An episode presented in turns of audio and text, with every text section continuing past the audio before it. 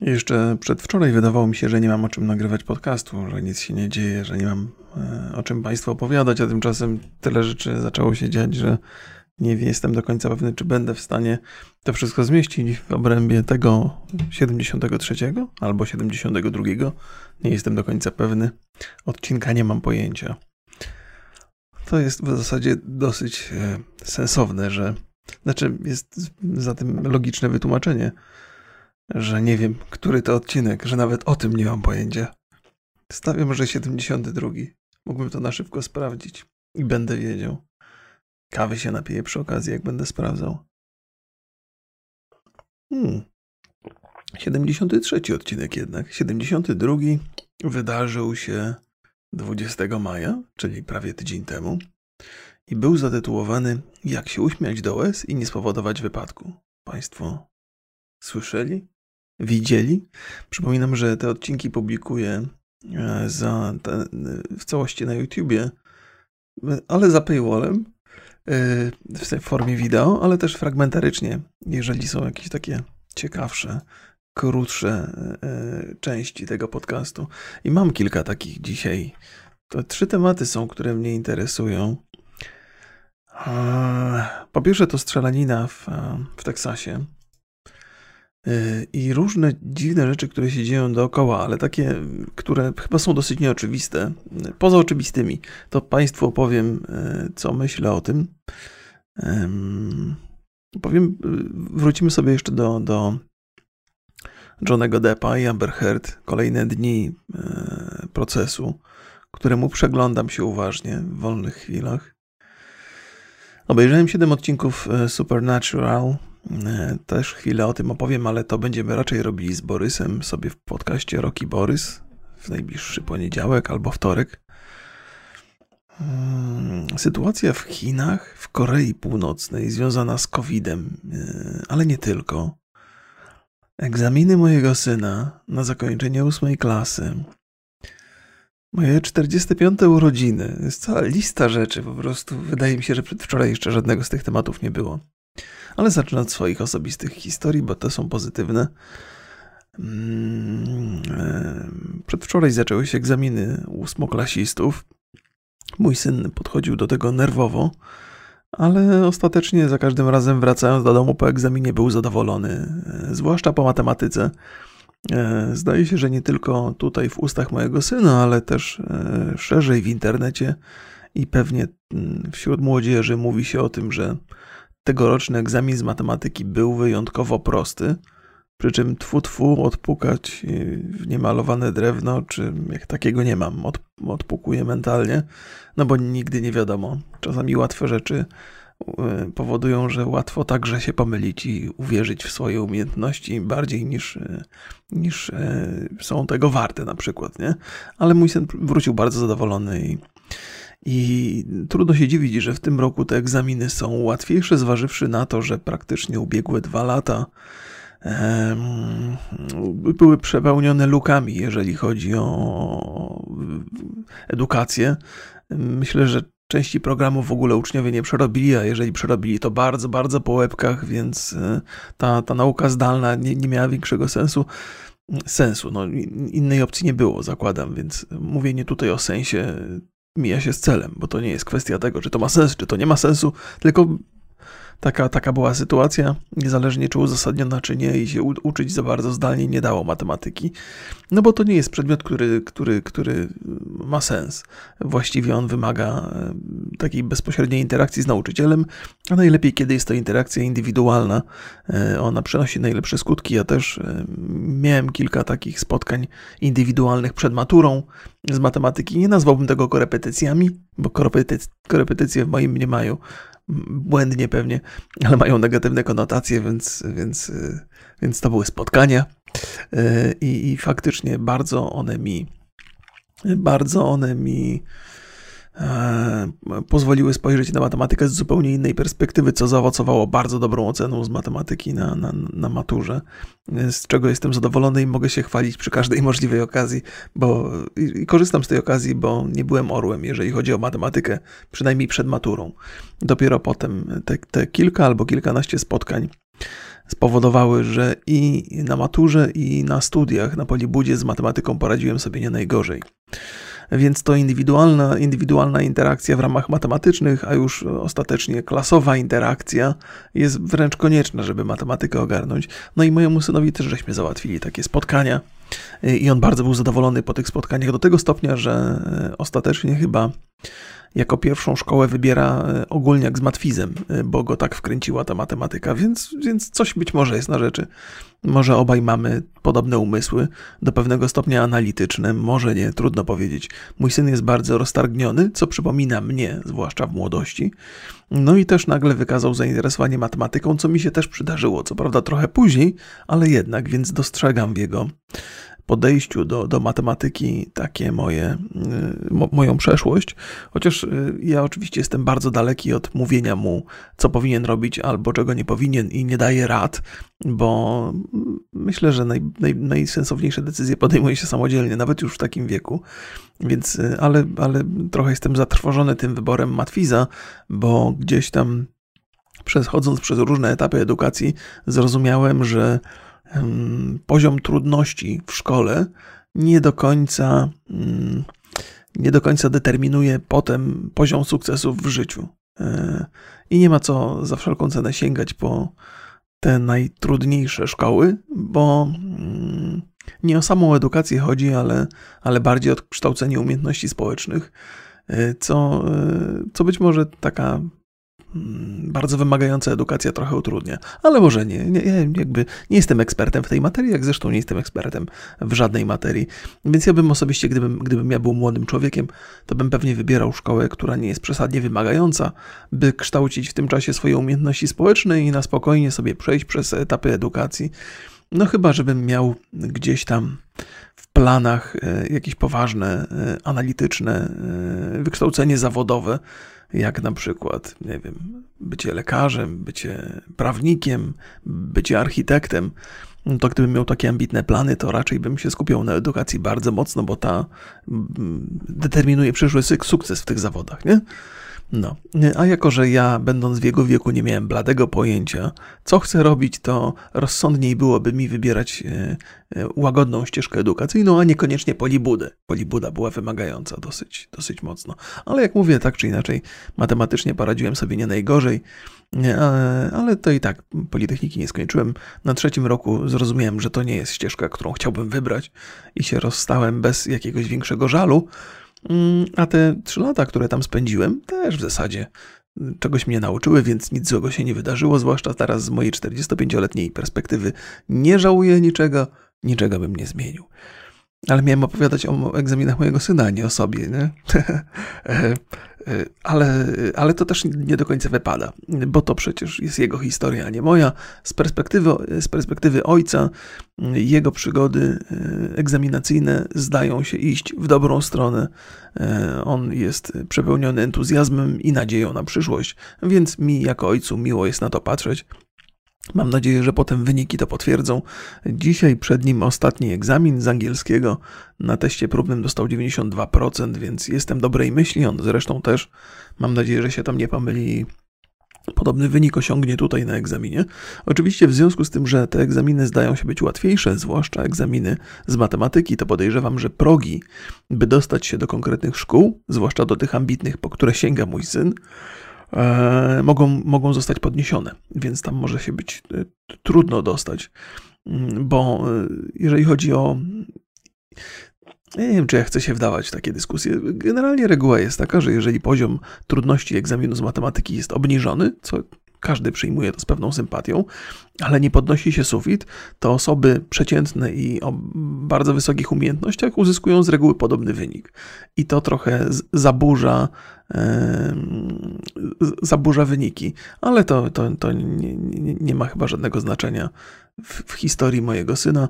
Mój syn jakoś tam zawsze się trzymał tej górnej, górnej granicy, więc mam nadzieję, że to się na tych egzaminach nie zmieni. Ale to też tak mówię, jakby, jakbym wykazywał się jakimiś oczekiwaniami. Nie, nie, nie mam jakichś oczekiwań, nie mam jakichś wymagań. Zrobi to, co zrobi, e, swoje plany życiowe dostosuje do tego. To, co się wydarza edukacyjnie na tym etapie życia, nie ma większego znaczenia. W moim mniemaniu świat jest, e, oferuje mnóstwo okazji i trzeba mm, te okazje chwytać i wykorzystywać, niezależnie od tego, czy się ma 14 lat, czy się ma 20 lat, czy się ma 30 parę lat bo tyle miałem, kiedy sięgnąłem po internet i jestem zadowolony z tego wyboru.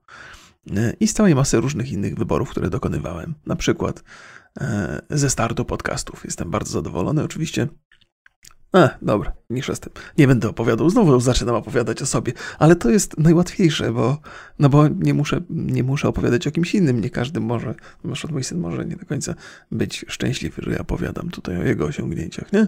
To jest jego historia. E, więc staram się trzymać tą ojcowską perspektywę, a tam nie zawsze przekierowuję na moje osobiste doświadczenia. Stąd to nie wynika z narcyzmu, który pewnie jest obecny w moim życiu, tylko z konieczności opowiadania historii, która jest moja. I wypada opowiadać moją historię, nie cudzą. E, więc tak, e, która jest 8.30 jest dzisiaj. Dosyć wcześnie wstałem, wstałem o 6.30 tam 30 pojechałem do urzędu, do Dolnośląskiego Urzędu Wojewódzkiego, tak to się nazywa? Dolnośląski, ten DUF chyba jest w skrócie, żeby sobie załatwić paszport. Zobaczyłem tłumy ludzi już ustawionych przed zamkniętymi drzwiami i powiedziałem: Nie, nie, wracam do domu, wracam do domu, bo mam parę rzeczy, nagram podcast, bo mam parę rzeczy do powiedzenia, nie jestem w stanie tutaj się ustawiać.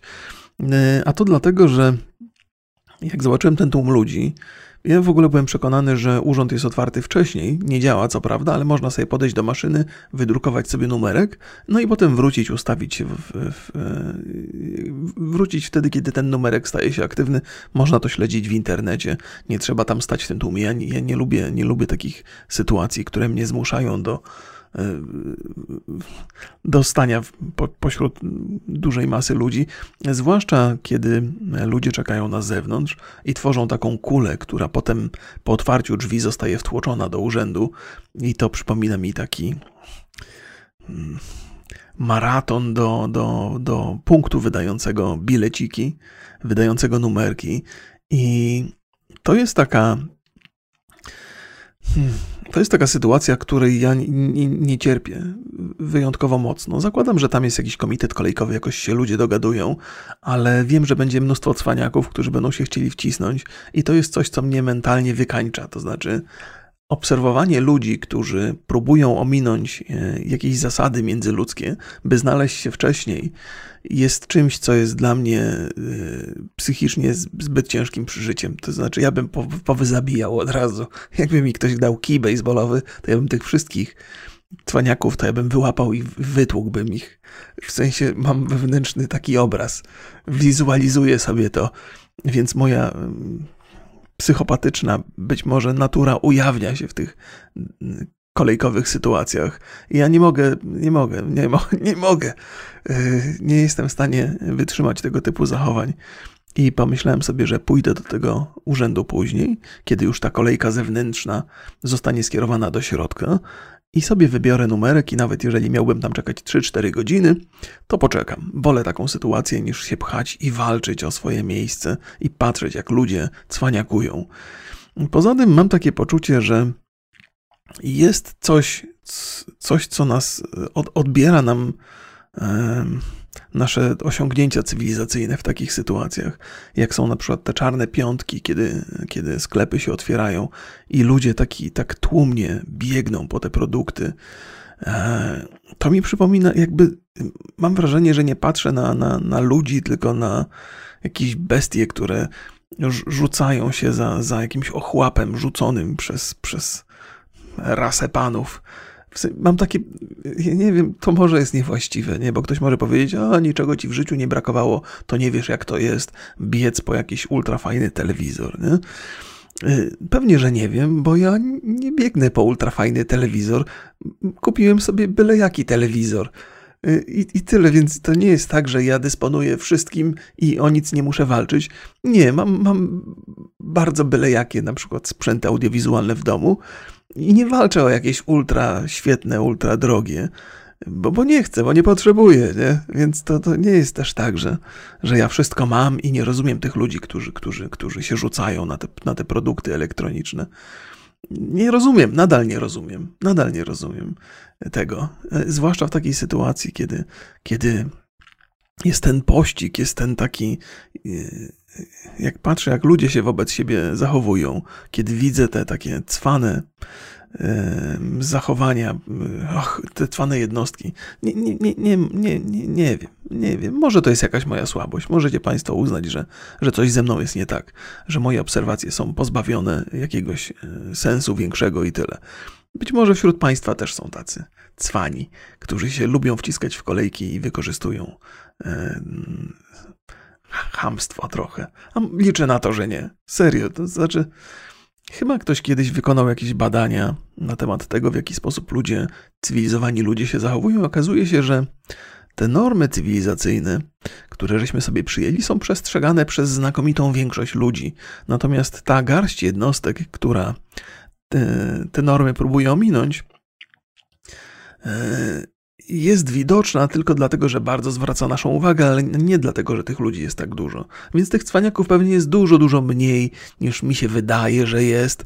E, ale już sam fakt, że muszę na nich patrzeć, powoduje, że poziom żółci wzrasta u mnie ponad normę i to nie jest coś, co, co jestem w stanie znosić. Więc wolę poczekać 4 godziny w kolejce, wziąć sobie numerek trochę później i nie patrzeć, jak ten tłum wtłoczony do urzędu biegnie, by numerek sobie pozyskać.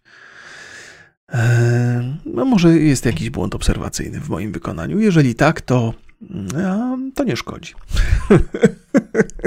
czy, czy, czy nasze wszystkie, jakby, czy wszystko, co zasady, którymi kierujemy się w życiu, czy nasze obserwacje muszą być trafione. Czasami ważniejsze jest, co myślimy o rzeczy, niż to, jaka ona faktycznie jest, bo to, co myślimy, faktycznie wpływa na nasz stan psychiczny. E, nie? No. E, dobra to opowiedziałem swoje, o swoich, swoich e, rzeczach. Dzisiaj, dzisiaj zabieram żonę do kawiarni i całą rodzinę, bo po pierwsze, egzamin mojego syna już dzisiaj jest ostatni, więc będziemy trochę się cieszyli, że te stresy już minęły. Po drugie, jest Dzień Matki, e, więc to też e, opowiadałem już w paru podcastach, że, że warto o tym pamiętać i warto, żeby dzieci wiedziały, że to jest dzień wart świętowania w jakiś sposób. Myślę, że to ugruntuje w nich jakąś potrzebę pamiętania o rodzicach. Może, jako że jestem rodzicem, odczuwam tutaj pewną samolubną potrzebę, by dzieciom wtłoczyć e, do głów to, by o nas pamiętały. Lepiej byłoby, żebyśmy byli dobrymi rodzicami i żeby dlatego dzieci o nas pamiętały, ale może nam się to nie uda, a, a, nawet jak nam się uda, to, to, to może dorzucić jeszcze kilka impulsów, które spowodują, że dzieci będą nie, miały o nas pozytywny, pozytywne przemyślenia. Tak, jeżeli jest taka sytuacja, że co roku 26 maja karmisz dzieci słodyczami, to potem w dorosłości te dzieci 26 maja będą sobie przypominały, że coś dobrego się dzieje. Taki, taki, ja wiem, to jest chyba behawioralna e, tresura taki odruch Pawłowa, że, że ten dzień będzie im się kojarzył z czymś e, pozytywnym, a co im się będzie przypominało 26 maja? No Dzień Matki oczywiście, bo to jest święto e, znane wszystkim. E, o Dzień Ojca tak nie dbam do tego stopnia. Dzień Matki wydaje mi się ważniejszy z perspektywy dzieci. Boże, samo to, że opowiadam o tych, wracając trochę do tych spraw urzędowych, że opowiadam o tym cwaniactwie, powoduje, że mnie żołądek zaczyna boleć z pewnej takiej bezsilnej wściekłości. Ja nie wiem, nie wiem. E, chyba mi się gdzieś w młodości wykształciła jakaś taka mm, e, konieczność funkcjonowania w społeczeństwie, e, gdzie przestrzegane są zasady. Dlatego ja się właśnie nie nadaję na dyktatora, bo bym pewnie strasznie traktował ludzi, którzy wedle moich przemyśleń się zachowują niezgodnie z normami czy coś. Nie wiem to jest niewłaściwe podejście, w sensie powinniśmy rozumieć. Ja, powinien, ja to rozumiem, jakby logika e, jest tutaj niezaprzeczalna. Nie wszyscy zachowują się niezgodnie z normami i jest to pewien element społeczny i czasami jest to dobrze. Jednostki, które wychodzą poza normy, często generują nową rzeczywistość, która potem jest lepsza dla wszystkich. Więc odejście od normy, bycie takim trochę rebeliantem, ma swoje plusy, nie? ale z jakiegoś powodu e, wykształciła się we mnie ta silna potrzeba przestrzegania zasad. I to pewnie nie jest zdrowe. To w ogóle ciekawe, bo ja też w moim codziennym funkcjonowaniu niewiele jest zasad. Staję się, staram się żyć dosyć swobodnie i mi się to udaje. Taki sobie zawód wybrałem, ale pewnie jest w tym też taki jakiś egoizm, że wymagam przestrzegania zasad przez innych. Znaczy, to hipokryzja pewnie jest, każdy z nas ją ma, że e, wszystkich powinno obowiązywać zasady, ale może mnie niekoniecznie. Nie wiem, nie wiem. Tak czy inaczej, jeżeli chodzi o kwestie kolejkowe, urzędowe i tak dalej, to jestem bardzo zasadniczy także, jeżeli chodzi o moje zachowania, więc tutaj to nie jest tak, że ja się wciskam w kolejkę, ale od innych wymagam, żeby się nie wciskali. Nie, nie, nie. Nie, nie, nie, nie. No, łyczek kawki. No i teraz sprawy, które uderzają nas z siłą, czasami nie do zniesienia. Aż się zastanawiam, od czego zacząć. Historie, które będę Państwu opowiadał, myślę, że nie wymaga to jakichś specjalnych wzmianek, a mimo to sobie na nie pozwolę.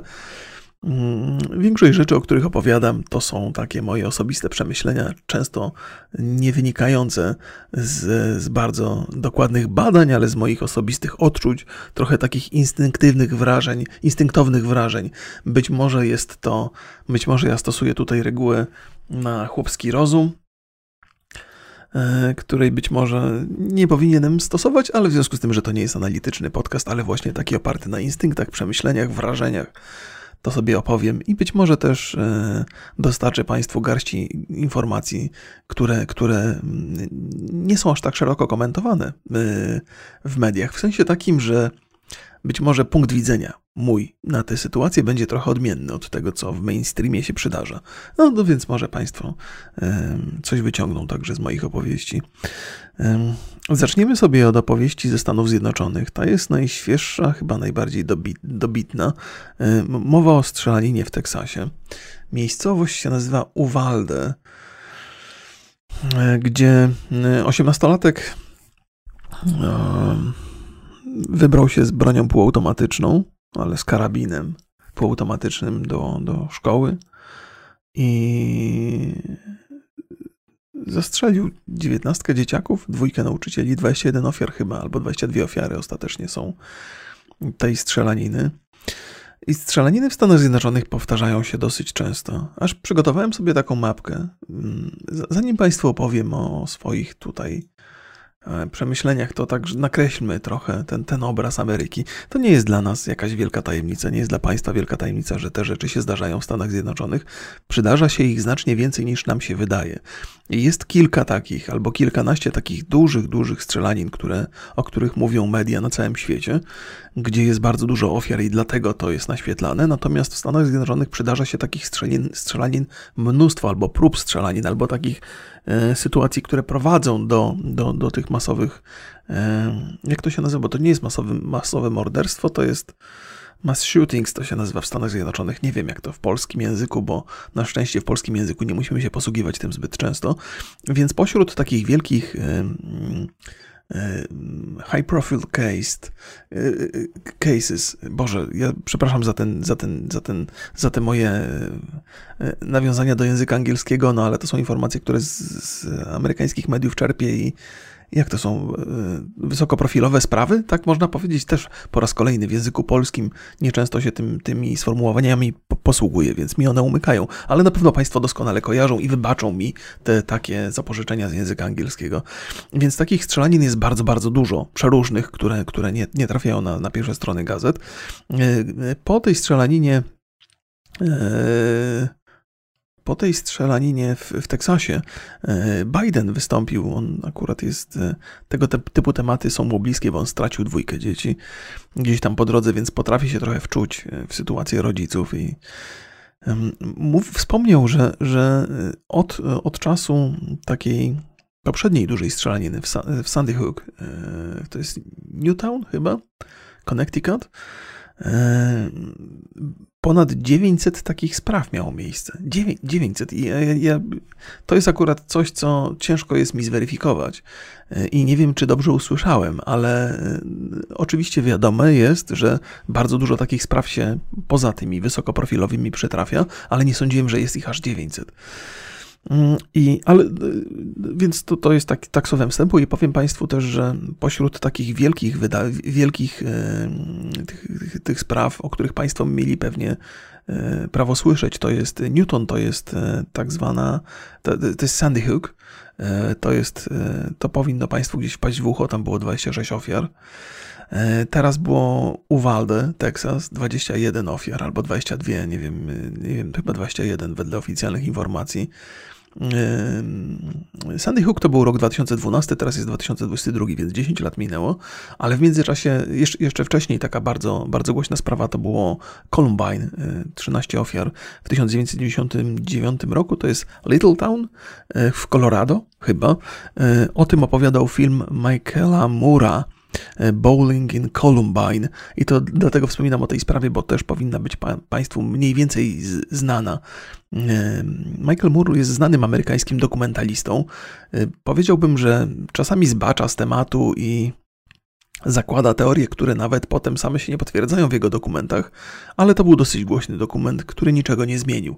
To jest też dosyć charakterystyczne w Stanach Zjednoczonych, że e, te sprawy się zdarzają, e, jest ich mnóstwo. E, od czasu do czasu zdarzają się te sprawy wysokoprofilowe, dużo się o tym rozmawia, niczego to nie zmienia. To już jest taka specyfika amerykańska. O tym być może też Państwu opowiem. Pośród różnych innych takich spraw, to tych, tych takich określanych mianem wysokoprofilowych od roku 1900, nie wiem, 98.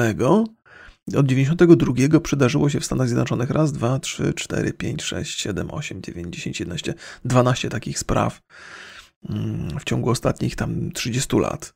Więc powiedziałbym, że dużo. I tam ilość ofiar od, od 4, 5, 13, 10, ale te, te, ta, ta, ta ostatnia to jest jakby druga pod tym względem, jeżeli w ogóle można jakieś podium układać, yy, na, na, wedle którego opowiadamy o tych sprawach. E, scenariusz jest dosyć powtarzalny. To są często młodzi ludzie z problemami. Ten osiemnastolatek był często był prześladowany w szkole, on miał jakieś problemy z, z mową, miał problemy z matką, co też jest dosyć charakterystyczne w sprawach związanych z psychopatami. To jest w ogóle też jakaś szeroka rzecz, o której opowiadam. To jest taki temat, który badam, trafiam sobie na różne artykuły i to nie jest tak, ja nie jestem naukowcem, nie, nie badam tego analitycznie, to nie jest tak, że zapisuję sobie te wszystkie artykuły, ale słucham tych informacji, wyciągam wnioski.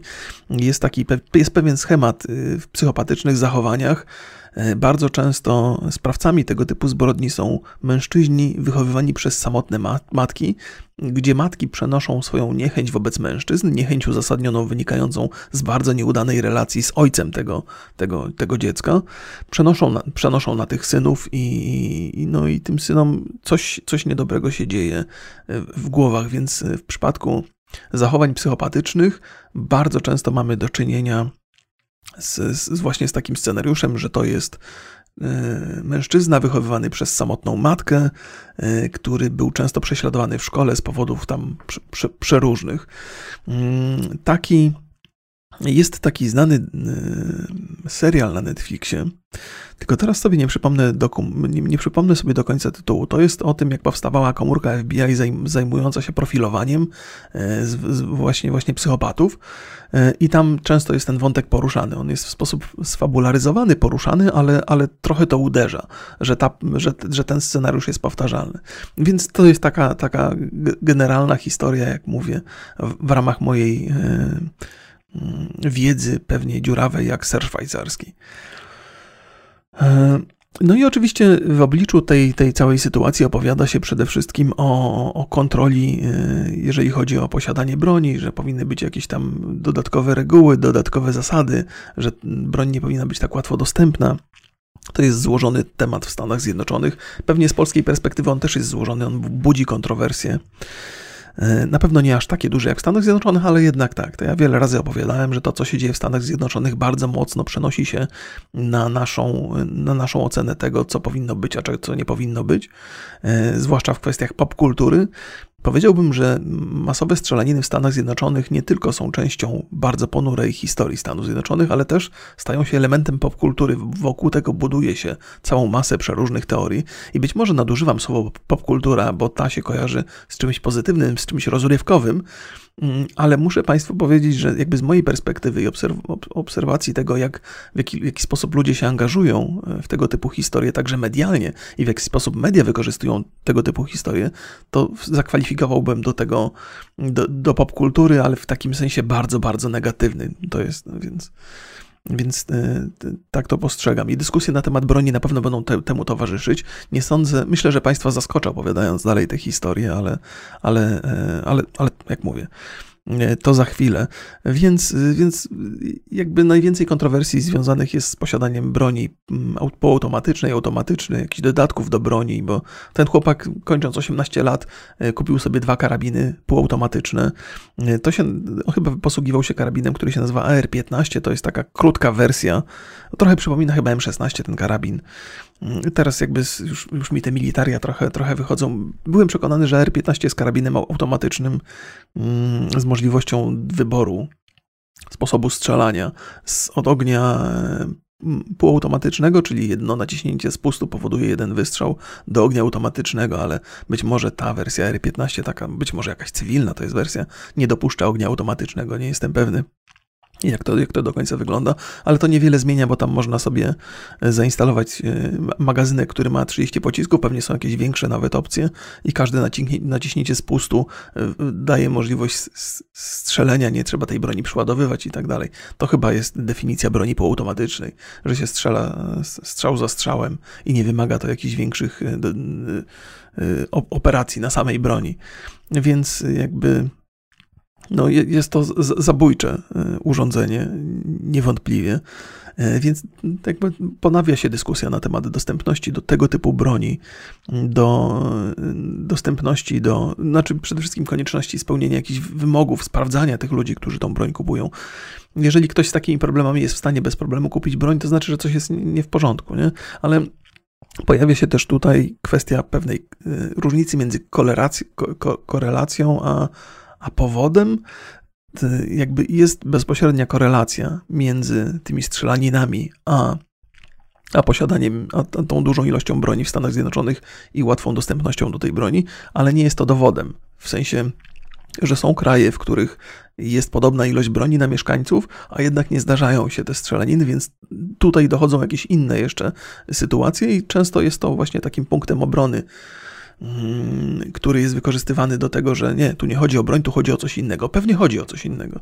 To jest tak, że, że być może w krajach, które są na tyle cywilizowane, by sobie poradzić bez masowych strzelanin, ta broń powinna być dopuszczona, ale w Stanach Zjednoczonych z jakiegoś powodu to nie działa. W Stanach Zjednoczonych te strzelaniny się przydarzają dosyć regularnie, więc to by wskazywało, że tam istnieje jakiś problem. Być może nie ma dowodu na to, że ten problem wynika z posiadania broni, to jest tylko ko ko korelacja, natomiast muszą tam być jakieś sytuacje, które powodują, że, że, że to się zdarza często i to jest problem, z którym Amerykanie powinni się w jakiś sposób uporać. Nam z polskiej perspektywy, mi zwłaszcza, no możemy sobie dyskutować na ten temat. Możemy mówić, że gdyby nie było broni, to by nie było strzelanin. Możemy mówić, że gdyby było więcej broni, to by nie było strzelanin, ale e, to jest, to jest tylko i wyłącznie gdybanie. Amerykanie mają ten problem, sami nie rozumieją pewnie do końca, z czego to wynika, więc ja nie będę tutaj próbował rozpatrywać akurat zagadnienia z tej, z tej perspektywy. Ja sam osobiście nie jestem fanem powszechnego dostępu do broni, ale to nie wynika z, z jakichś przemyśleń analityk czy tak dalej. To są moje osobiste, yy, to są moje osobiste przemyślenia, moje osobiste uczucia i, tyl, i tyle. I, I, nie narzucałbym tych uczuć nikomu. Więc jeżeli ktoś tu się czuje striggerowany, bo ja mam jakieś zastrzeżenia co do broni, to, to nie, to nie. To są tylko moje osobiste tam takie, takie, takie odczucia. Yy, I teraz. Yy, czy, jesteś, czy jestem gotów Państwu opowiedzieć kolejną historię? Otóż, w związku z tym, że w Ameryce jest to kwestia bardzo kontrowersyjna, ta, ta, ta, ta związana z bronią, związana z tą tak zwaną drugą poprawką, która daje tą możliwość posiadania tej broni. Więc w Stanach Zjednoczonych jest taki, taki sposób myślenia, e, że, że broń jest narzędziem nie tylko by bronić siebie, swoje własne bezpieczeństwo, ale jest także narzędziem, by bronić się przed y, niewłaściwym zachowaniem rządu. To znaczy, jest gdzieś tam taki scenariusz zapisany, że jeżeli mm, dojdzie do konieczności walki o wolność, to Amerykanie muszą posiadać e, urządzenia, które pozwolą się im bronić przed, tą, przed tym ograniczaniem wolności. To jest złożone bardzo, to wynika z historii amerykańskiej, z tego, że, że oni właściwie musieli się wyrwać spod jarzma Brytyjczyków i tak dalej. To wszystko, to wszystko jest, to jest dosyć specyficzny kraj pod tym, pod tym względem. Pewnie, że tak, nie? Więc tam działa dużo więcej mechanizmów niż tylko jakby sama broń, nie tylko jest, jest problemem. I, I, dzisiaj, zwłaszcza kiedy, kiedy przypominamy sobie e, ostatnią prezydenturę Trumpa i ten, i ten marsz ludzi na, na e, już nie pamiętam, e, jak się nazywa po polsku ta, ta instytucja, na którą, na którą dokonano ataku przed, przed zakończeniem prezydentury Trumpa. To jest, to jest jakby odrębna historia, ale w, w, wśród Amerykanów cały czas funkcjonuje takie przeświadczenie, że są na granicy utraty wolności tej i, i potrzeba posiadania broni jest silniejsza, co robi się coraz silniejsza z czasem.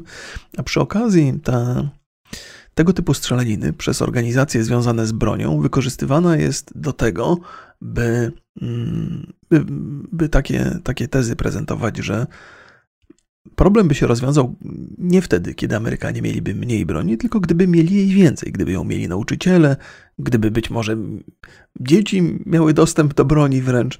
To jest, to jest e, taka, taki sposób, jakby te strzelaniny dla ludzi, którzy sprzedają broń, zwłaszcza dla, e, to jest National Rifle Association, to jest NRA, to jest taka amerykańska e, instytucja, która zajmuje się tam walką o powszechny dostęp do broni, że tego typu strzelaniny nie stają się argumentem za tym, żeby trochę jednak ograniczyć. Nie mówię, że zabrać ludziom broń, tylko trochę ograniczyć, zwłaszcza do tej broni bardzo zabójczej, tej półautomatycznej, cięż, cięższej trochę. Dla nich staje się to argument za tym, żeby jednak ludziom dostarczyć jeszcze więcej broni, żeby mogli się bronić przed takimi sytuacjami. No, gdyby nauczyciele mieli na przykład broń półautomatyczną, no to może nie doszłoby do takiej sytuacji. To, jest, to, są, to są tego typu teorie. Jakkolwiek, jakkolwiek absurdalnie by to nie brzmiało, takie są teorie. I teraz wydaje mi się, że nawet jeżeli jesteście zwolennikami powszechnego dostępu do broni, macie do tego pełne prawo, to, to chyba nawet w waszych uszach tego typu e, tezy brzmią trochę, trochę, trochę absurdalnie. Nie? A może nie, no nie, nie, nie jestem nie, nie mam pojęcia. Nie mam pojęcia, więc y, to jest coś, co mnie trochę zaskakuje, bo wydawać by się mogło, że tego typu organizacja, która walczy o powszechny dostęp do broni, to, to jest taki moment, że warto by było trochę przycichnąć, trochę przeczekać, jakby nie mówię tutaj o etyce i o moralności, tylko o jakimś tam pijarze. Nie? Natomiast to jest wykorzystywane do tego, by jeszcze, jeszcze pchać te swoje, te swoje tezy, teorie, by, by jeszcze powodować, że tej broni, żeby tej broni było więcej i więcej. Więc to jest coś, co się wydarza, co mnie, mnie trochę zaskakuje. I druga rzecz, która jest już w ogóle skrajnie, skrajnie nie, niewiarygodna, to jest to, że mm, wiecie, Ameryka to jest w ogóle takie miejsce, gdzie jest cała masa przeróżnych teorii spiskowych. Ostatnio jest taka teoria e, The Great Replacement Theory, gdzie mm, to jest też coś, co tak sobie, sobie trochę badam ten temat na, na luzie. To jest jak to przetłumaczyć na język polski? A może przetłumaczyć to po prostu opowiadając tę historię. Wśród Amerykanów, zwłaszcza wśród białych Amerykanów, i to w bardzo dużej ilości, jakby jest, jest chyba wśród wyborców Trumpa jest ponad 60% osób, które wierzą w tę teorię, że, że istnieje taki ruch polityczny, który mm, powoduje, że te stanowiska, które do tej pory biali zajmowali, zajmują imigranci, że tych imigrantów jest coraz więcej, że wręcz jest takie, takie parcie na to, by wypychać białych e, Amerykanów z, z, z, z jakiejś tam funkcjonalności, z, z funkcjonowania w, w urzędach, e, w, w, firmach, w korporacjach i tak dalej, żeby wpływ białego człowieka na to, na politykę się zmienił. I to jest też tak, że w związku z tym, że ludzie, imigranci głosują w dosyć określony sposób, łatwo to, w jaki sposób można to wskazać, przeanalizować, no to dla pewnych grup politycznych byłoby to korzystniejsze. To jest cała, to jest cała złożona teoria. Ja nie będę Państwu to, tutaj przytaczał tego, bo też nie, nie potrafię pewnie tego wytłumaczyć bardzo dokładnie. E, ale, ale jest to teoria powszechna, jest to teoria, która jest akceptowana przez wielu, wiele, wielu Amerykanów, a wręcz przez część Amerykanów uważana za coś absolutnie prawdziwego. Takich teorii spiskowych, być może ta nie jest aż taka, mm, by trochę jakby nadal to uważam za teorię spiskową, ale by trochę Państwa naprowadzić na, na, na to, z, z, z, czego to wynika. W związku z tym, że mamy do czynienia z pewną taką otwartością na ludzi z różnych grup społecznych, z, z, mniejszości, tak, yy, z mniejszości narodowych, jak to, z, z innych ras, z, z, ras, które są mniej reprezentowane w pewnych zawodach. Chodzi o to, żeby mm, wśród osób, które są przyjmowane na przykład do pracy, była określona e, grupa białych, kobiet, mężczyzn, grup o innej, różnej takiej nietypowej orientacji seksualnej i tak dalej. Jakby się, się wprowadza wprowadzane są takie, takie zasady. Nie? One generalnie mają dużo, dużo w sobie pozytywnych aspektów, ale też jest takie przekonanie, że jeżeli są, na stanowisko są cztery osoby białe, na przykład, które są świetnie do tego stanowiska przy, przy, przygotowane, i, i są e, cztery osoby czarnoskóre, które są mniej przygotowane do, do mniej wykształcone w tej materii, to na cztery stanowiska zostaną przyjęci dwaj biali i dwaj czarni, a dwaj biali zostaną odrzuceni, mimo że mają lepsze, lepsze kwalifikacje. To jest jakby zarzewie tej historii. Ja nie mówię, że tak jest, czy tak nie jest. To, to, to, to. I takie sytuacje gdzieś tam mają miejsce, że nie chodzi o to, jakie są twoje, e, jakie są twoje umiejętności, tylko o to chodzi, z jakiej pochodzisz grupy społecznej, mniejszej i większej. Takie rzeczy się zdarzają, że ktoś zostaje przyjęty do pracy niezależnie od, od swoich kwalifikacji, ponieważ spełnia e, pewne, pewne takie jakby, jakby normy tej, tej nie wiem, inkluzywności czy coś. Nie?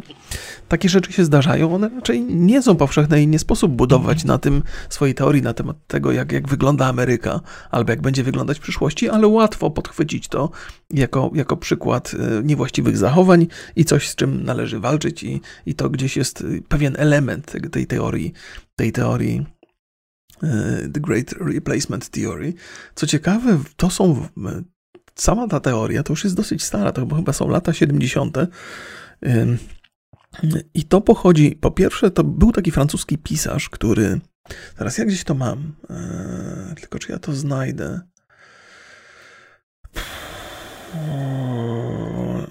Tak, mam, mam, mam, mam. 73 e, rok. Francuski autor, który się nazywa Jean e, Respile, napisał taką, taką książkę nowelkę, która była zatytułowana e, Obóz Świętych, The Camp of the Saints. I to jest taka, taka książka postapokaliptyczna, e, która tam mniej więcej porusza te tematy o tym, w jaki sposób imigranci zastąpili białych Amerykanów. Ciekawe, że Francuz takie coś poczynił. I potem w 2012 yy, e, też chyba francuski pisarz Renaud Camus, Camus, Camus? Być może Camille, tak się, pisze się Camus, więc nie wiem jak to po francusku się czyta. I on też y, pod wpływem trochę tej, tej, tej, tej, tej poprzedniej książki, on napisał właśnie y, książkę zatytułowaną y, Wielkie Zastąpienie, The Great Replacement. No i oczywiście te takie środowiska skrajnie prawicowe są mocno zaczytane w tą, w tą teorię i, i ta teoria staje się dosyć głośna, zwłaszcza, zwłaszcza ostatnio. Więc opowiadam Państwu o tym, że Amerykanie mają skłonność do teorii spiskowych, że tam e, polaryzacja poglądów prowadzi do ekstremów e, i, i to jest cały element tej, tej takiej chaotycznej mieszanki wybuchowej, która w Stanach Zjednoczonych się, się, się, przytrafia. I to jest jeden z czynników składowych, który prowadzi do, do tego typu strzelanin. Więc mówię o tym, by Państwu pokazać, że tam się dzieje dużo więcej niż tylko te, te, te, te dyskusje związane z bronią. Y, I że, że powody tych strzelanin są dużo głębsze, dużo bardziej złożone. Nie ma. Oczywiście, jeżeli się pozbawi ludzi narzędzi do przeprowadzania takich strzelanin, to tych strzelanin będzie. Natomiast źródłem problemów jest coś dużo bardziej złożonego. To jest też to, w jaki sposób internet na nas wpływa, media, gdzie Liczy się klikalność, liczą się wejścia, gdzie porusza się tematy kontrowersyjne, skrajne, gdzie wywołuje się w widzach, w słuchaczach, w czytelnikach skrajne emocje, ponieważ to się przyczynia do, do klikalności i do zarobków, gdzie robi się to mm, nie bacząc na konsekwencje. A konsekwencją jest skrajnie spolaryzowane społeczeństwo z całą masą wewnętrznych problemów, y, które, które no, dają taki efekt, jaki dają. Więc, więc jak mówię, pro, problem jest złożony i też być może nie opowiadam go tak dokładnie, jak powinienem, ale jak, ja nie jestem tutaj badaczem i naukowcem, jestem cywilem, który śledzi te rzeczy z ciekawości. I teraz opowiem Państwu kolejną historię, która dzieje się wokół tych strzelanin, która moim zdaniem jest jeszcze bardziej zatrważająca. Znaczy, z naszej perspektywy, nieważne, nieważne kto z Państwa jest zwolennikiem broni czy przeciwnikiem, to wszyscy zakładamy, że te strzelaniny faktycznie miały miejsce. Widzimy obrazy w telewizji, widzimy tweety, widzimy całą masę dowodów na to, że to się wydarzyło. Natomiast w Ameryce są ludzie, którzy absolutnie nie wierzą, że te strzelaniny mają miejsce. Oni uważają, i to są właśnie jakby kolejne teorie spiskowe, że to jest spisek rządu, któremu jakby jako priorytet nie wolno ufać, spisek rządu, by pozbawić ich broni. I ludzie, którzy stracili dzieci w tych strzelaninach, a są w jakiś sposób publicznie wskazani, gdzieś występują, opowiadają o swoich przeżyciach, są potem atakowani. Atakowani nie tylko przez internet, ale także osobiście, fizycznie są zaczepiani. I jakby sam fakt, że muszę o tym opowiadać, totalnie mnie rozbraja. Są oskarżani o to, że są aktorami, że nie stracili dzieci, tylko udają na potrzeby, by, by wpisać się w narrację rządu, że rząd ich zatrudnia, by oni udawali, że stracili dzieci. Wyobraźcie sobie sytuację rodzica, który przeżył taką tragedię i nagle zewsząd jest atakowany przez ludzi, którzy uważają, że on jest aktorem. To już jest ja z perspektywy rodzica nie wyobrażam sobie w ogóle takiej sytuacji, że, że, że tracę dziecko w taki sposób, bo, bo to już jest wystarczająca tragedia. A do tego dochodzą jeszcze prześladowania ze strony ludzi, którzy nie wiedzą, nie wierzą, że ja autentycznie przeżyłem tragedię.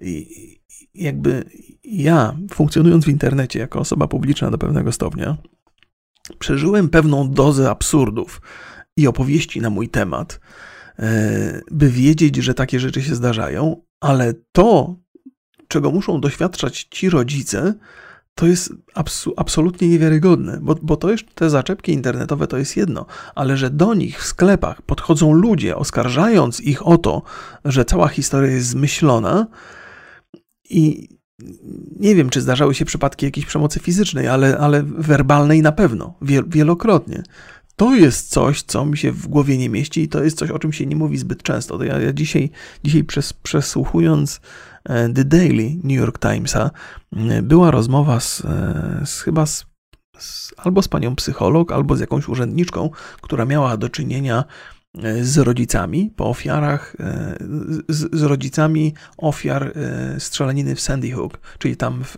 w Connecticut w 2012 roku. I ona opowiadała o tym, że to jest coś, co jest e, absolutnie zatrważające i jest bardzo intensywne. To znaczy, to nie są przypadki rzadkie, tylko często się zdarza, że ci ludzie są atakowani przez innych, niewierzących w tą strzelaninę. I to jest coś, co mi totalnie głowę rozwaliło że, że możemy prowadzić mnóstwo dyskusji na temat broni, na temat problemów Stanów Zjednoczonych, na temat z czego te problemy wynikają. Możemy porównywać problemy e, albo, albo efekty posiadania broni w Stanach Zjednoczonych, w Kanadzie, w krajach skandynawskich, co to wywołuje i to jest mnóstwo dyskusji. Możemy rozmawiać o tym, czy, mm, czy zwiększenie ilości broni w Stanach Zjednoczonych nie rozwiązałoby tego problemu, bo, takie, bo takie, taką tezę ma NRA, o czym, o czym opowiadałem wcześniej. Ale, ale o tym, dyskutować o tym, czy to się autentycznie wydarzyło, czy nie, to już jest coś, co mi się trochę w głowie nie mieści. Znaczy, dużo rzeczy, o których opowiadam, to się nadużywa się takiego stwierdzenia. Nie, no to się w głowie nie mieści. To się w głowie nie mieści, że taki kulturalny pan Zygmunt przespał się z sąsiadką. To się w głowie nie mieści. Nie? Można, jakby, to, to, to stwierdzenie w głowie się nie mieści, oczywiście jest, straciło na mocy, ale w tym przypadku to jest dosłownie to. To się w głowie nie mieści, że, że są poddawane wątpliwość tego typu zdarzenia. I to przez ludzi, którzy mieszkają w tym samym kraju.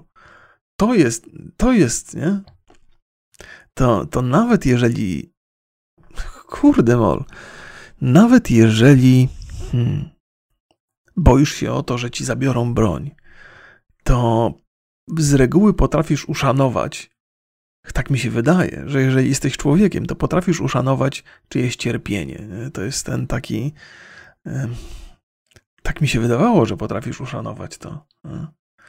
Ale Amerykanie też mają całą masę tego typu historii, że, że są, są organizacje, są kościoły wręcz, chyba bapty, to jest tam amerykański kościół baptystów, bo nie, nie będę, nie będę, bo to jest chyba jakiś odłam tego kościoła, że oni potrafią przyjść na pogrzeb i, i, i wznosić transparenty i okrzyki, że ten człowiek jest teraz w piekle, nie? Kiedy ludzie, rodzice kogoś, czy to żołnierza, czy kogoś tam cierpią, płaczą, nie? że stracili kogoś najbliższego, to oni, to oni, ci przedstawiciele tego kościoła skandują w sposób niezaprzeczalnie słyszalny, że ten człowiek, którego właśnie cała rodzina chowa, jest w piekle teraz, nie? Z takim entuzjazmem, z jakby jak to, jak to jest w ogóle możliwe, że w społeczeństwie wykształcają się tego typu struktury, tego typu grupy, które myślą i funkcjonują w ten sposób, że, że jakby w kulturalnym, wykształconym w miarę społeczeństwie, nawet jeżeli zostanie zabity ktoś e, obiektywnie zły, to potrafimy uszanować chyba to, że, że rodzina tego kogoś złego potrzebuje ciszy, spokoju i chyba mówi się nawet, jest, jest w języku polskim takie stwierdzenie w polskiej kulturze, że, że o, o kimś, kto umarł, już się nie mówi źle. To już jest ten moment, kiedy, kiedy, kiedy należy przestać. Ja nie mówię już o takich skrajnych przypadkach, że tam zginął morderca, no to wiadomo, że się mówi, że to był morderca i tak dalej, ale o takich przypadkach, które gdzieś tam są trochę po środku, że albo w ogóle nie są po środku. Nie? No, no, no, no, nie będę tego już, już dalej, dalej, nie będę tego dalej rozbierał, ale, ale zaskakujące jest to. Ja naprawdę, obserwując te materiały, spodziewałem się poważnych dyskusji i kłótni, wręcz skrajnych i nieprzyjemnych kłótni na temat tego, czy broń automatyczna, półautomatyczna powinna być dostępna dla ludzi, czy nie. Tego się spodziewam. To jest coś, co jest normalne co się powtarza w Stanach Zjednoczonych. Tam za każdym razem, kiedy dochodzi strzelaniny, do strzelaniny jest dyskusja na temat broni. Dyskusja wydaje mi się absurdalna, ale ona nie przynosi żadnego skutku. Jeżeli już, to z czasem dostęp do broni staje się coraz bardziej powszechny i powszechny, więc te, te strzelaniny w ogóle nie wpływają na, na, na tą sytuację związaną z broni, z bronią, co jakby uważam za absurdalne i po raz kolejny mówię, nie chodzi mi o to, żeby tym ludziom zabrać tę broń, tym mają tą swoją drugą poprawkę, ale by trochę sprawdzać tych, którym się tę broń wydaje ale, ale okej, okay, to jest inny kraj, inny świat, oni się rządzą swoimi własnymi zasadami. Więc tego typu dyskusji i kłótni się spodziewałem, ale tego, e, o czym opowiadałem Państwu na końcu, kompletnie nie. To jest trochę coś, co mnie wyrwało z butów. E, no ale taki kraj najwyraźniej. Taki to, proszę Państwa, amerykański sen się, się realizuje. Wszyscy ci politycy piszą potem na Twitterze, że swoje, e, swoje modlitwy i, myśl, i myśli kierują w stronę rodziców. A, e, i, i, i, to, jest, to jest coś, co jest kompletnie pozbawione jakiegokolwiek znaczenia, nie? Co mi z tego, że mi jakiś polityk się za mnie modli albo za moją rodzinę? Co to w ogóle ma za znaczenie? Co to w ogóle jest? Nie? On jest częścią problemu z mojej perspektywy, ponieważ niezależnie od tego, jakie jest rozwiązanie tego problemu, to on tego pro rozwiązania nie znalazł. Taka jest jego rola. Rolą amerykańskiego polityka jest rozwiązanie problem, rozwiązywanie problemów Amerykanów. Problemów tego typu, których jest mnóstwo, nie rozwiązali przez wiele, wiele lat, więc jego modlitwy są gównowarte. I to, co się wydarza dzisiaj, teraz i co jest często dominujące w takich trochę niezależnych mediach, to to, żeby Ci politycy spierdalali ze swoimi modlitwami. To jest coś, co, co jest głośne. Jakby trochę dominuje w tej dyskusji, że niech oni sobie podarują te dyskusje, bo i tak niczego nie potrafią zmienić, więc ostatecznie e, nie powinni się w ogóle odzywać, bo nie na tym polega ich rola, żeby się modlić, tylko żeby coś naprawić. Nie potrafią tego naprawić, to, to, to niech się wypchają ze swoimi modlitwami. Więc to jest coś, co. Trochę, trochę podnosi ciśnienia może ludziom, e, którzy, którzy to obserwują i, i wzbudza w tej konkretnej sytuacji słuszny gniew. Te reakcje polityków, które są absurdalne po raz kolejny. No, no ale historia, historia e, z jednej strony jest oczywista. Wydarzyło się coś potwornie złego i coś trzeba zrobić, żeby takie sytuacje się nie powtarzały ale, ale z drugiej strony e, nic się nie dzieje i wszyscy funkcjonują, mimo tego gniewu, to wszyscy funkcjonują w przeświadczeniu, że nic się nie stanie, nic się nie zmieni, że po raz kolejny nic się nie zmieni. A kiedy już jest takie nastawienie, to no to trudno, żeby się coś zmieniło. Nie? Na szczęście to jest e, odległe miejsce na świecie. To jest też e, no, amerykański sen. Co tu dużo gadać. Mm. No i opowiedziałem Państwu tę historię. Pewnie z całą masą dziur i niedokładności. E, I też, też to wzbudza moje emocje jakieś. O, mimo, że mnie to tak bardzo nie dotyczy. Jakby zupełnie mnie to nie dotyczy. Ale to co? To teraz, teraz przejdziemy sobie do czegoś lżejszego, co być może trochę nas e, rozchmurzy, może niekoniecznie, bo to też jest sprawa, która jest paskudna. E, cały czas śledzę, śledzę postępy e, tam tego pozwu Johnego Deppa przeciwko Amber Heard o pomówienie to są interesujące rzeczy po raz kolejny z popkulturowego punktu widzenia, trochę uświadamiające nam to, jak działa Hollywood, co tam się dzieje. Opowiadałem Państwu o tym ostatnio. E, kilka ostatnich dni tego procesu chyba nie przyniosło nic e, zaskakującego, nic, co by nas, e, co by zmieniło moją perspektywę na tą sprawę. Jeżeli coś, to moja krytyka wobec zachowań Amber Heard się umacnia.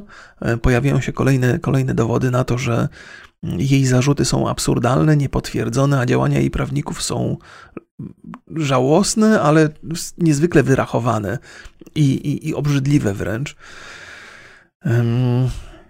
Chyba to, co się przydarzyło ostatnio, to takie, takie jakby ostateczne wystąpienie, to ostatnie wystąpienie Johnego Deppa, gdzie on opowiedział o tym, jak to wpłynęło na jego życie, co się wydarzyło. To chyba taki jest, taki, taka była ostatnia okazja, żeby, żeby on przedstawił swoją sytuację, swój punkt widzenia.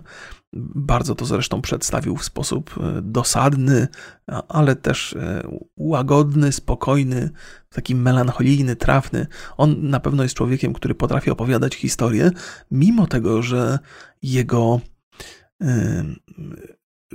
że one są takie bardzo powolne, że on zdaje się cedzić każde słowo, to jednak w tym jest jakiś urok, jakiś czar. W normalnych warunkach, gdybym słuchał kogoś, kto opowiada historię w ten sposób, czasami między jednym słowem a drugim, dając pięciosekundową przerwę i nie przesadzam, mówiąc pięciosekundową przerwę, to pewnie bym nie był w stanie tego słuchać. Natomiast w jego wykonaniu jest jakaś tam melodia w tym, w tym wszystkim. To pewnie oczywiście wynika z jego zawodu, ale też pewnie z jego podejścia do życia, z jego postawy i z tego pewnie, że większość czasu w życiu e, funkcjonuje pod wpływem narkotyków, które trochę spowalniają być może jego proces myślenia, ale na pewno jego proces opowiadania historii. Jest w tym jakaś prawdziwość w jego, w jego opowieściach. Prawdziwość, która po, po, podkreśla jego historię, jego naturę i, i tak dalej. Druga chyba ważna rzecz, która się wydarzyła, to to, że e, organizacja dziennikarska, która, która stała za ujawnieniem pewnych e, kwestii związanych z tą, z, tą, z tą sytuacją. Dokładnie to jest tak. To się chyba nazywa TLC albo TMC. To jest taka trochę plotkarska strona, która donosi o tych takich gwiazdorskich e, perypetiach przeróżnych. Oni mają swoich paparazzi, właściwie przede wszystkim taka organizacja, która skupia paparazzi i wykorzystuje paparazzi do tego, by tworzyć takie, tak, takie historie. Więc e, były pracownik tego, te, tej organizacji ujawnił, że są, e, ja nie, nie wiem, on chyba nie mógł tego powiedzieć wprost, mówił bardzo często o źródle informacji, i to są takie trochę rzeczy, które możemy chyba nazywać poszlakowymi, ale z perspektywy amerykańskiej i w ogóle z perspektywy funkcjonowania mediów są bardzo wiarygodne. I o Państwu, o państwu powiem. Wygląda na to, że te wszystkie e, wycieki, które, które potem znalazły się w prasie, pochodziły od Amber Heard. I jakie są, jakie są przesłanki, e, które za tym stoją? Otóż, mm, kiedy takie medium dostaje informacje, to musi potwierdzić, czy informacja pochodzi ze wiarygodnego źródła i czy oni uzyskali y, razem z tą informacją prawa autorskie do, do opublikowania tej informacji. To znaczy, trzeba ustalić, kto y, jest właścicielem praw autorskich i czy w, w, w, sposób zgodny z prawem przekazał te prawa autorskie na rzecz tej organizacji. To jest jakiś proces, który tam musi, musi być wykonany i w zależności od tego, jak długo trwa ten proces, można ocenić, jak wiarygodne jest źródło tej informacji. Krótko mówiąc, jeżeli informacja pochodzi od osoby, która e, tą informację wygenerowała, na przykład wideo zrealizowała, to ona może natychmiast potwierdzić, że jest właścicielką praw autorskich, przekazuje te prawa autorskie i informacja jest do opublikowania. Czyli jeżeli, jeżeli e, między otrzymaniem informacji przez serwis a publikacją tej informacji upływa niewiele czasu, to znaczy, że był bezpośredni kontakt z, ze źródłem tej informacji. Czyli jeżeli e, informacja pojawiła się w 15 minut, to tak, bo, bo, z czymś takim mamy do czynienia, to znaczy, że jej źródłem była Amber Heard, ponieważ ona jest uczestniczką tych wydarzeń i tylko ona mogła przekazać prawa autorskie tak szybko. O, to jest taka, ta, ta, taka, taka jest kwintesencja tej całej opowieści. Ja bardzo upraszczam, bardzo ogólnikowo opowiadam. Mm, ale, ale mm, trudno temu zaprzeczyć. I ludzie, którzy gdzieś tam funkcjonują w mediach, i zakładam, że ci wszyscy, którzy tam w tym sądzie siedzą, ci ławnicy i, i, i, i pani prowadząca, to wszystko jakby rozumieją ten, ten cały proces, bo to, to jest tak, że ten dziennikarz nie, nie może pewnych rzeczy powiedzieć wprost, albo nie ma dostępu do tych informacji jako jeden z trybików tej maszynie, natomiast może przedstawić całą masę e, takich e, poszlakowych rzeczy, które wskazują wyraźnie w jakąś stronę. Więc to jest druga rzecz, która się gdzieś tam wydarzyła. To, to było o tyle istotne, że Amber Heard e, zaprzeczała, że to ona była źródłem wycieku, bo mm, i jako, że jako że źródło było anonimowe, no to ona nie mogła ponosić finansowych konsekwencji za straty wynikające z tego, że Johnny Depp y, został w ten sposób y, oskarżony publicznie. Jeżeli natomiast informacja pochodzi od niej, no to pozew mm, jest to, jest to bardzo ważny element y, w dyskusji na temat tego, czy ten pozew Johnego Deppa jest uzasadny, czy jest zasadny, czy ten pozew jest zasadny. Dobrze to Państwu wytłumaczyłem? Wydaje mi się, że tak, chociaż pewnie jest to obarczone pewnymi błędami. Y, kolejna interesująca historia, y, która tu jest do, do przekazania, to w sposób, w jaki, to wspomniałem o tym wcześniej, sposób, w jaki mm, są świadkowie pozyskiwani przez przez prawników Amber Heard i jakiej jakości to są świadkowie. Mieliśmy do czynienia z zeznaniami psychologów, e, tutaj ze strony świadków, e, powiedzmy, mówmy to w skrócie, świadków Amber Heard, którzy zeznawali i w zeznaniu oceniali stan psychologiczny Johnego Deppa. Co było dla mnie trochę zaskakujące, ale wydawało mi się, że to jest, no, to są psychologowie, oni są ekspertami, zakładam, że, że są lojalni przede wszystkim wobec swojej, swojego wykształcenia, wobec swojej wiedzy i że posługują się tą wiedzą w sposób zgodny z prawem i z etyką i tak dalej, i tak. Okazuje się, że sprawa jest jakby zupełnie skrajnie odmienna, to znaczy bo kim jest ekspert w tym, zwłaszcza w, tej konkretnej sprawie? Ekspert to jest ktoś, kto ma jakieś konkretne wykształcenie i, postępuje zgodnie z tym, z, tym, z, tym, z tym wykształceniem i może dostarczyć e, pewnej perspektywy, której brakuje ławnikom, której brakuje pani, nie wiem jak to jest, sędzinie, nie wiem jak to się po polsku teraz, teraz, teraz odmienia. Taka jest rola eksperta, ale ten ekspert równie dobrze może kłamać, może mm, przeinaczać fakty, może przedstawiać perspektywę tylko E, taką, która jest korzystna dla, dla strony, po której on się opowiada, przez którą został wezwany, może całą masę różnych rzeczy robić. Mm, e, e, no i to się zdarza. Nie? Jakby to, to jest coś, co, co wydawało mi się, że raczej ekspert powinien dbać o swoją reputację, ale no nie jest to oczywiście. Nie, nie jest to. No, no bądźmy. Jakby po raz kolejny mówię ja nie jestem naiwny, wiem jak wygląda rzeczywistość, ale staram się operować w miarę w ramach takiej, powiedzmy, trochę wyidealizowanej wersji rzeczywistości i jeżeli rzeczy odbiegają z tej mojej idealiza, ideali, wyidealizowanej wizji, no to, no to wskazuję to, to palcem, o, to, to, to tak, nie? że wiem jak powinna wyglądać rzeczywistość yy, i zakładam na początku, że ona tak wygląda. Mimo tego, że na potrzeby opowieści, nie na potrzeby, by spełnić swoje, swoją naiwną wizję. E, więc ekspert, ekspert, nie? ekspert, ktoś, kto, kto, kto, kto ma rzetelną opinię. E, ale okazuje się, że, że, że można podważyć opinię tych ekspertów. E, I, I tu pojawia się ocena jakości świadków. Mm, strona Johnego Deppa ma również gdzieś tam psychiatrów, psychologów, którzy, którzy opowiadają o, o, tych, o tych kwestiach. Natomiast jest diametralna różnica między jedną grup, grupą a drugą. To znaczy, jeżeli chodzi przede wszystkim w poziomie wykształcenia, ale w pewnym poziomie neutralności. Był taki y, na, na ostatni, ostatnie przesłuchanie. Był facet, który jest profesorem, y, akademikiem, napisał mnóstwo książek. W ogóle jego wykształcenie, jego doświadczenie zawodowe, napisał książki jakieś, jest, jest, jest niezwykle szerokie, jakby przytłaczająca była ilość informacji na temat tego, jakie są jego um, credentials, to jest po angielsku. Znowu zapomniałem. Znowu zapomniałem wyrazu po polsku.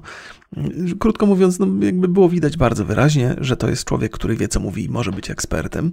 I to eksperci Johnego Deppa nie atakują Amber Heard.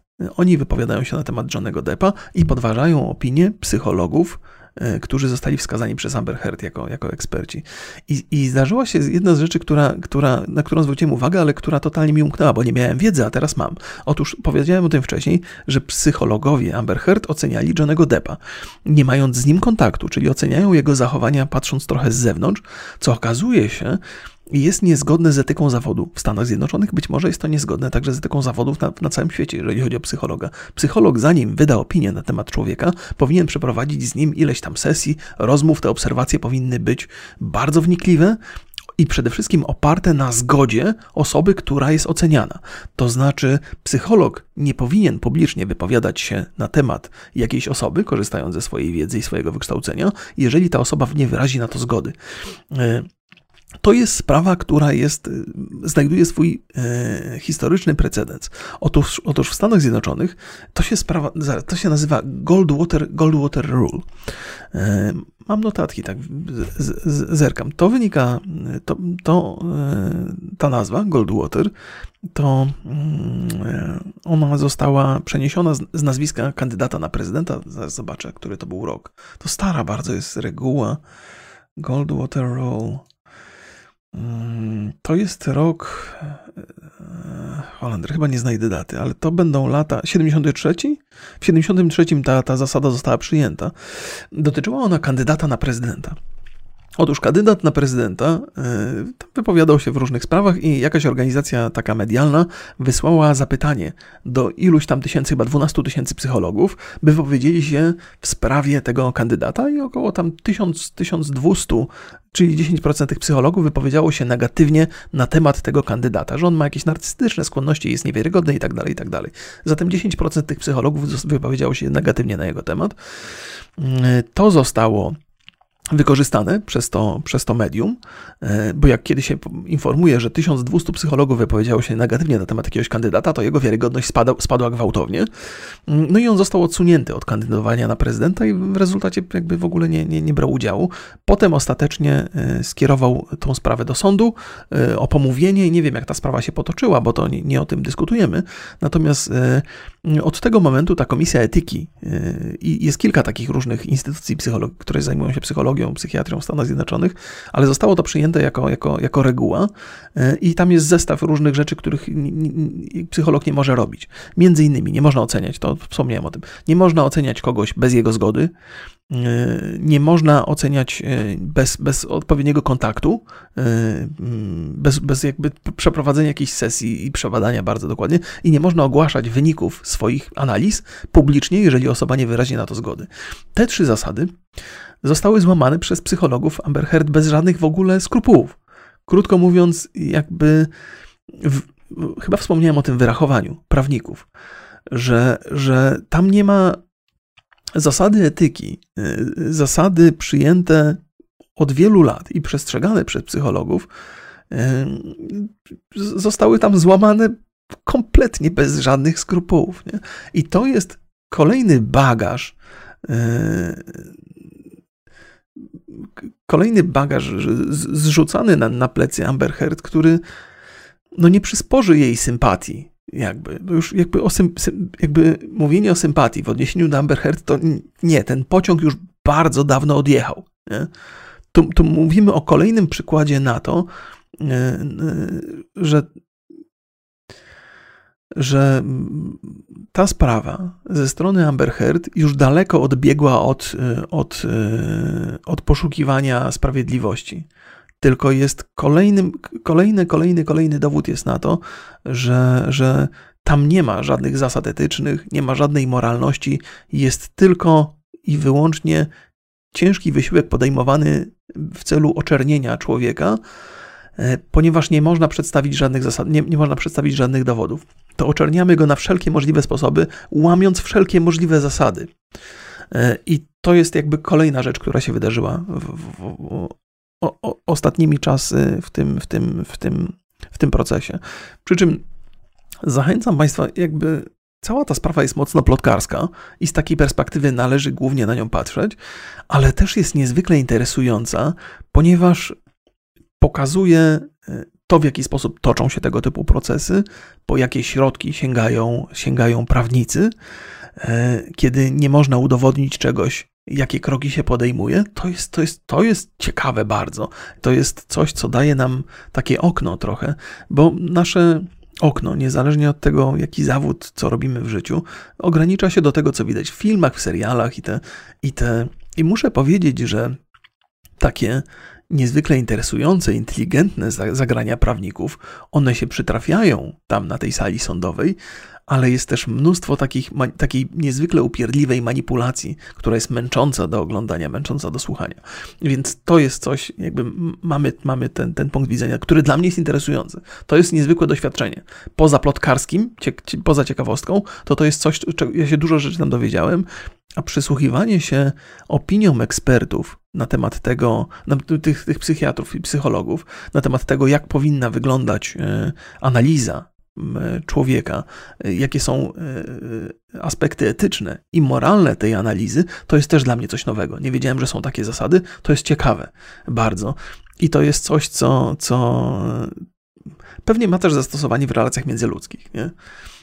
Że, że no, ale to, to, jest, to jest e, inna zupełnie kwestia. Opowiadałem Państwu o tym kanale, który się nazywa The Behavioral Artist też warto sobie sięgać po ten, po ten kanał i facet analizuje zachowania ludzi, którzy w tym procesie się pojawiają, e, ich, e, to w jaki sposób mm, ich ciało się porusza, w jaki sposób rysy twarzy się zmieniają i analizuje to pod kątem fałszu, pewnej prawdziwości, mm, wykorzystując całą masę swojej wiedzy i, i próbując zachować pewną neutralność, co nie jest łatwe, ponieważ, e, tak jak mówię, jeżeli chodzi o, o, wiarygodność Amber Heard i jej całego zastępu prawników, to ten pociąg już odjechał dawno temu. I na koniec tej mojej opowieści dzisiejszej, Amber Heard, chciałbym powiedzieć jeszcze jedną rzecz. Ja cały czas mówiłem o tej sprawie w perspektywie strat, jakie ponosi ruch mitu i jakie ponoszą organizacje, które walczą o prawa kobiet, które walczą o to, by by brać problemy kobiet na poważnie. Yy, mówiłem jakby o, o, o, tych stratach, że, że te organizacje bardzo tracą na, na, tym, na tym procesie, że tracą na wiarygodności, a wiarygodność jest tam do pewnego stopnia potrzebna. Są szlachetne organizacje, które zajmują się tym poważnie i traktują swoje obowiązki rzetelnie i są ofiary E, niewłaściwych zachowań mężczyzn. I jest to udokumentowane, i to jest poważny problem, który należy brać pod uwagę, który, e, o którym trzeba dyskutować. E, więc Amber Heard bardzo, bardzo szkodzi tym ruchom, ale powiedziałbym, że ona nie tylko szkodzi tym ruchom, ale wręcz szkodzi kobietom w ogóle. E, że, że to nie jest tylko taka ograniczona historia, która dotyczy przemocy, ale to jest historia w ogóle tego, w jaki sposób społeczeństwo postrzega kobiety, bo to jest, to jest niezwykle widowiskowa sprawa. I ja wiem, jakby to już jest trochę skrajny, skrajne spojrzenie, ale to, to jest coś, co, mi trafi, co, co trafiło we mnie wczoraj, oglądając reakcję Amber Heard, zwłaszcza reakcję jej, to w jaki sposób e, się zachowuje podczas zeznań Johnego Deppa to jest jakby. Ja nie wiem, jak to opisać dokładnie. To jest też kolejna rzecz, którą musielibyście zobaczyć, ale to, co się dzieje na twarzy tej kobiety, zaprzecza wszelkiej mojej wiedzy na temat tego, w jaki sposób człowiek powinien reagować na pewne sytuacje. Ona się uśmiecha w momentach, które w sensie żaden inny człowiek by się nie uśmiechnął, kiedy Johnny Depp opowiada o tym, w jaki sposób Amber Heard traktuje swoją siostrę, jak ją popycha, jak ją popycha mentalnie i fizycznie, jak ją prześladuje, w jaki sposób ją, w jaki sposób źle się do niej odnosi, a ona, ona słucha tego i uśmiecha się z jakimś takim przedziwnym przekąsem, jakby. Albo kiedy Johnny Depp opowiada o tym, jak wiele sam stracił na tym, na tym, e, na tym całym procesie, na tej całej sytuacji i jak wiele negatywnych konsekwencji, jak, e, z jakim bólem to się, to wszystko się, się odbywało dla niego, to na twarzy Amber Heard rysuje się jakieś takie to, to nie, nie, mi to oceniać, ale z mojej perspektywy rysuje się jakieś takie, nie wiem, wrażenie satysfakcji. Ona ma jak, jak, jakaś taka nieopanowana radość, którą ona próbuje ukryć, słuchając, kiedy robiła komuś krzywdę. To jest tak, jakbyście, nie wiem, jakbyście prześladowcy dali okazję słuchać o tym, jak cierpiały yy, jego ofiary, i on się uśmiecha, i on się cieszy, i widać, że mu to sprawia satysfakcję. To jest to, co ja tam dostrzegam. E, to jest ogromna. Może to wynika z jakiegoś mojego. Może już jestem, wiecie, może już jestem stronniczy.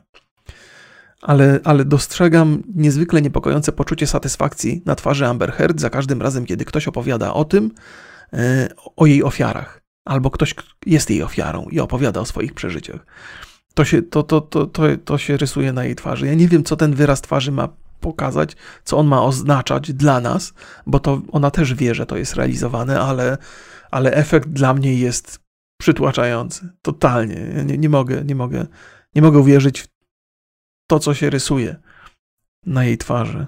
Tam. No.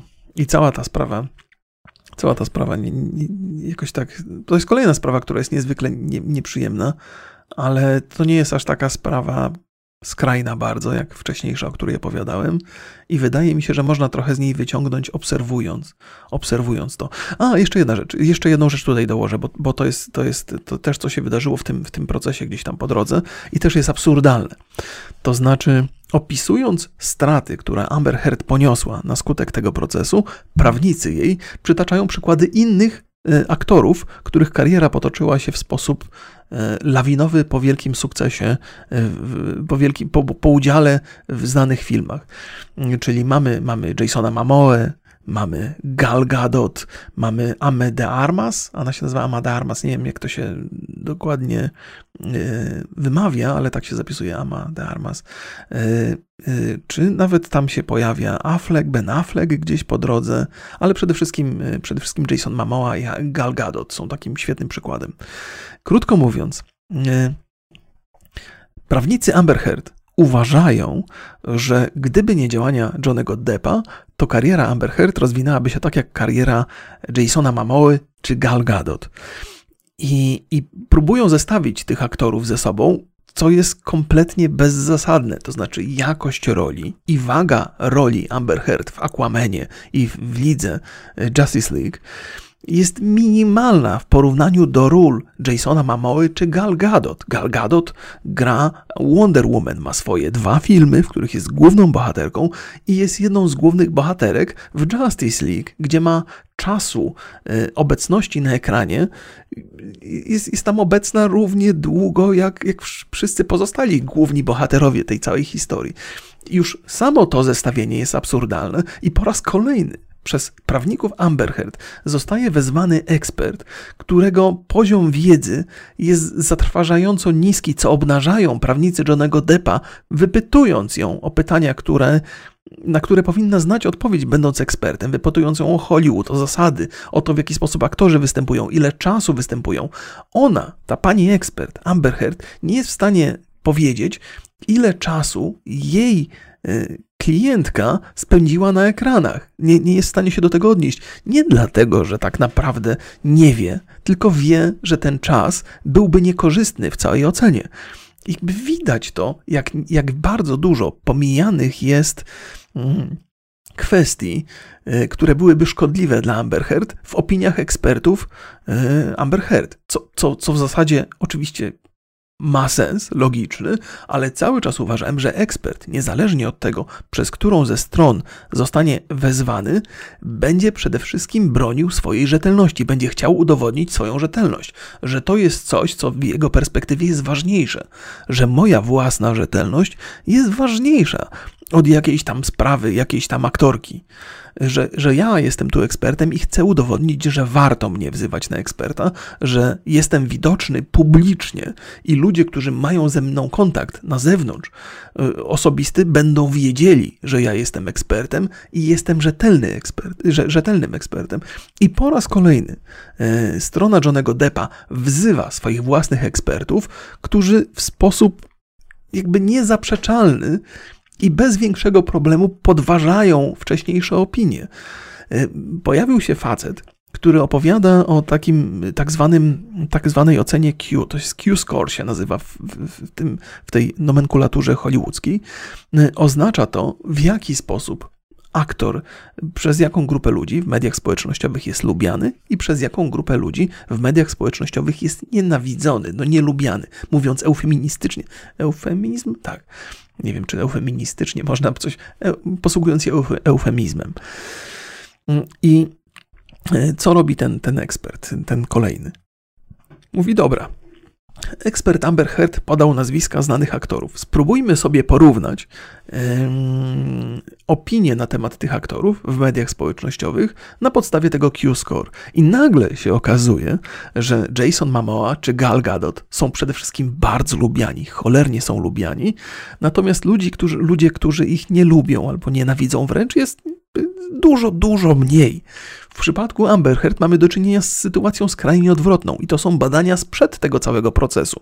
To znaczy szansa na to, by Amber Heard miała karierę jakąkolwiek po występie w Aquamenie była już minimalna wtedy. Studia filmowe obserwują tego typu rzeczy. Okazuje się, że osób, które lubią Amber Heard jest naprawdę niewiele, natomiast osób, które jej nie lubią albo nienawidzą wręcz jest zatrważająco dużo w porównaniu do tych wszystkich pozostałych aktorów. Więc już sam fakt, że można tych aktorów razem i podawać przykład, że, że Amber Heard zrobiłaby taką karierę jak Jason Momoa, gdyby nie to albo tamto, jest bzdurą kompletną, którą niezwykle łatwo obalić. To jest pierwsza rzecz. Natomiast druga rzecz, opinia, że Warner Bros nie wiem, że, że, Warner Bros. Warner Bros. Realizowa- realizowaliby, realizowałoby, że to studio realizowałoby kolejny film z Amber Heard, jest minimalna, zważywszy na to, że te studia bardzo efektywnie posługują się taką, tymi, tymi, tą punktacją, tym Q-score. Nikt nie zatrudnia aktora do głównej roli, jeżeli ten aktor nie jest lubiany, albo grupa ludzi, którzy go lubią, jest niewielka, bo chodzi o to, po to się zatrudnia aktora i po to się mu dużo płaci, żeby on także wpłynął na popularność tego filmu, żeby ten film się sprzedał. To nikt nie da głównej roli albo czasu tego e, na ekranie osobie, która nie jest lubiana, bo to jest kontrproduktywne. No i, no i kolejna rzecz, no. I kolejna rzecz, kiedy eksperci Amber Heard są totalnie do dupy i łatwo ich podważyć ich rzetelność, ale po raz kolejny mówię, może ja już jestem stronniczy, ja już tyle rzeczy obejrzałem w tym procesie, y, tylu ekspertów wysłuchałem, y, tyle zewnętrznych materiałów obejrzałem, chociażby to, to behavioral artist, że mi trudno w, jaki sposób, w jakikolwiek sposób pozytywnie patrzeć na Amber Heard, na jej prawników i na jej ekspertów. No więc jeżeli pomijając to, że Amber Heard nie była wcześniej lubiana, to to, co się wydarzyło tutaj, e, no to jej nie pomogło. To, jest, to ten pociąg odjechał już dawno. Po raz kolejny mówię o tym. Mm, I Oglądałem też, e, Amerykanie mają takie, ca, ca, całą masę mają takich, Boże, jak ja się dzisiaj rozgadałem, całą masę mają programów takich e, wieczornych, jakichś tam show z, ze znanymi prowadzącymi i chciałem powiedzieć, że pamiętam, jak się nazywa ten, zaraz, Bill Mer, Bill Mer, powiedział, Bill Mer powiedział coś takiego. Bill Mer chyba ma program teraz na HBO, e, o ile się orientuję. I plus ma swój własny podcast, którego też słucham od czasu do czasu, ale mają gówniane audio tam w tym podcaście, więc tak słucham, bo oni sobie czy ja mam czas na dygresję? Siedzą sobie w studio, popalają sobie jointy, mają mikrofony takie e, krawatowe, często się te mikrofony ocierają o, o ubrania, szeleszczą albo nie są tej dobrej jakości, co takie materiały studyjne, które przy podcastach powinny być wykorzystywane. Ale palicho. Bilmer powiedział, że w takim, takim podsumowaniu jakiejś, jakiejś dyskusji powiedział, że po tej aferze to myślę, że Johnny Depp jeszcze będzie miał jakąś karierę. To znaczy, jakby ten, to jego Q-score rośnie wyraźnie. Natomiast Amber Heard nie ma szansy na jakąkolwiek karierę, że tu jest jakby kontrowersje, które ona wzbudza i niechęć, jaką ona wzbudza, eliminują jakąkolwiek karierę w przyszłości. I to jest coś, co to jest coś, co mogą jej prawnicy wykorzystać potem, e, bo jest kolejny pozew e, o pomówienie, tam chyba o 100 milionów Amber Heard wystąpiła wo wobec Johnego Deppa. O ile tym prawnikom Amber Heard uda się udowodnić, że upadek kariery Amber Heard wynika z działań Johnego Deppa. I to będą próbowali udowodnić, co jest kolejnym absurdem. Upadek Amber Heard zakłada przede wszystkim, że był jakiś wzrost, że był jakiś wzlot, a wiele wskazuje na to, że rolę w Aquamanie dostała dzięki interwencji Johnego Deppa, o czym zresztą opowiadał. Bardzo, bardzo naturalnie, bardzo tak niezobowiązująco i tak nie, nie tak Widać było, że miał jakiś wpływ na to, chociaż to nie jest jakiś tam super ważny punkt w jego opowieściach. Tak czy inaczej, kariera Amber Heard nawet nie zdążyła się rozpędzić, zanim upadła i nie dlatego, że Johnny Depp zrobił coś złego, tylko dlatego, że Amber Heard zrobiła sobie krzywdę. Nie tylko ludziom dookoła, ale także sobie zrobiła krzywdę. I jeszcze jedną historię Państwu opowiem, którą muszę opowiedzieć, bo dlaczego nie? Otóż y, historia y, dzieciństwa Amber Heard, y, on, to też jest coś, co, co gdzieś tam się przewija. Ja nie jestem po raz kolejny ekspertem, natomiast ona też doświadczyła prześladowania w młodości. Miała ojca, który, który był, był, był takim prześladowcą. Y, I to jest coś, co mi się rzuciło w uszy mm, parę razy, w oczy również. Mam wrażenie, że ta przemoc, która została jej zaserwowana ze strony ojca, to jest coś, co stało się częścią jej rzeczywistości. To znaczy, ona ma chyba silne zapotrzebowanie na tą przemoc. I teraz tak, to jest przemoc, którą ona stosuje, bo były dwie ofiary tej przemocy. On, ona i jej siostra. E, I obie o tym opowiadały. Natomiast e, tą swoją skłonność do przemocy Amber Heard przeniosła, przeniosła nie tylko na Johnego Deppa, ale przeniosła też na swoją siostrę. I to świadkowie o tym też opowiadali, chociaż jej siostra o tym nie mówi. Jej siostra mówi, że oczywiście zdarzają się tam między nimi jakieś niesnaski, ale, ale no to tak jak normalnie z siostrami.